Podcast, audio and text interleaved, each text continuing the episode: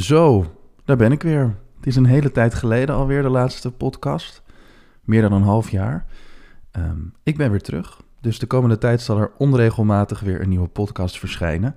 En vandaag wil ik het met je hebben over financiële vrijheid. Want dat gaat voor mij namelijk niet per se over vroeg met pensioen gaan. Je kent ze vast wel, die populaire krantenkoppen. Zo ga je voor je veertigste met pensioen. Met deze mindset trek je meer geld aan en zo bouw je een passief inkomen op. Financiële vrijheid is hip, maar het eerste doel is vaak niet om eerder met pensioen te gaan. Tom, jij doet toch aan FIRE?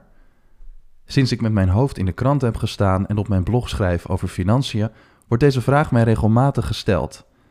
Laat ik eerlijk zijn. Op dat soort momenten zou ik het liefst willen dat ik anoniem zou bloggen. Dat maakt het toch wat makkelijker. Dan hoef je minder uit te leggen en hoef je jezelf minder vaak te verantwoorden.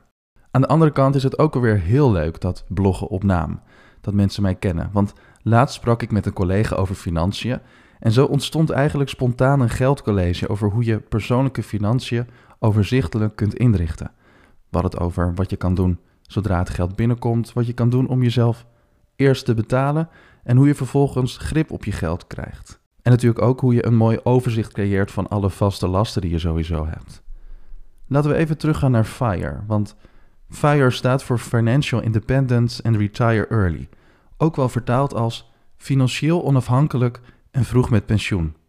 Volgens een vereenvoudigde berekening ben je FIRE als je 25 keer jouw jaaruitgaven bij elkaar hebt gespaard in aandelen, vaak in indexfondsen, en je daar maximaal 4% per jaar van verkoopt.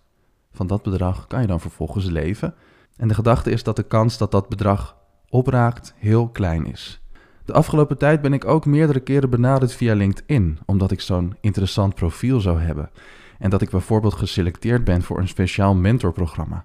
Maar ik wil helemaal geen vastgoed verhuren. En ik wil ook niet aan de slag met de cashflow kwadrant. Dus ophouden met deze LinkedIn spam graag. Wat wil ik dan wel? Goede vraag. Weet ik ook niet altijd. Maar meestal wil ik gewoon van het leven genieten en ook aan de toekomst denken.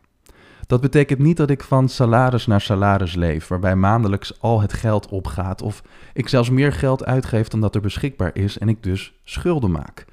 Eigenlijk is het heel saai.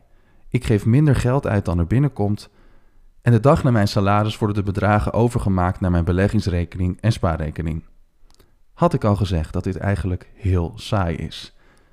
En omdat ik mijn eigen persoonlijke financiën op orde heb, vind ik het leuk om mijn aanpak en ervaringen te delen op dit blog.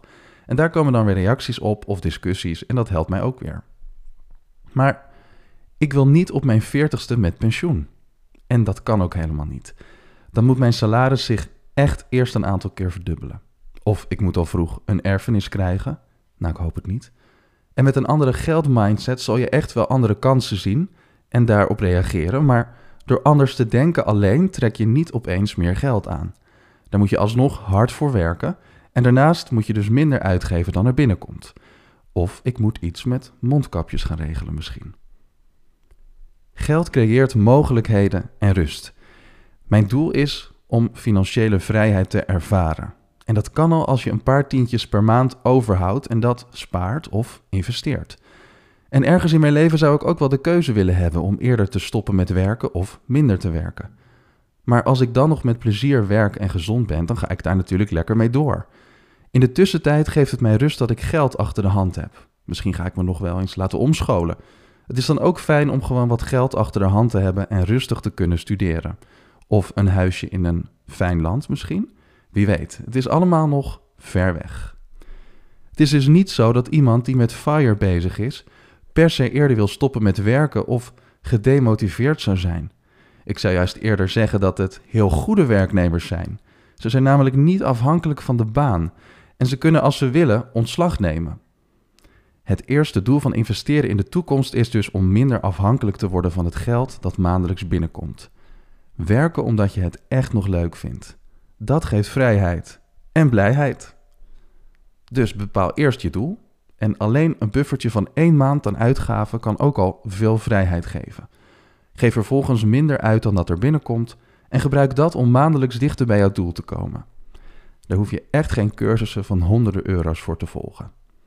De FIRE-methode kun je ook voor andere doelen inzetten. Waarom ben of wil jij aan de slag met jouw persoonlijke financiën? Wat is jouw doel? Het is natuurlijk leuk als je voor jezelf een antwoord bedenkt, maar nog leuker als je reageert op tips van tom.com. Daar kan je ook de reacties van andere lezers en luisteraars bekijken.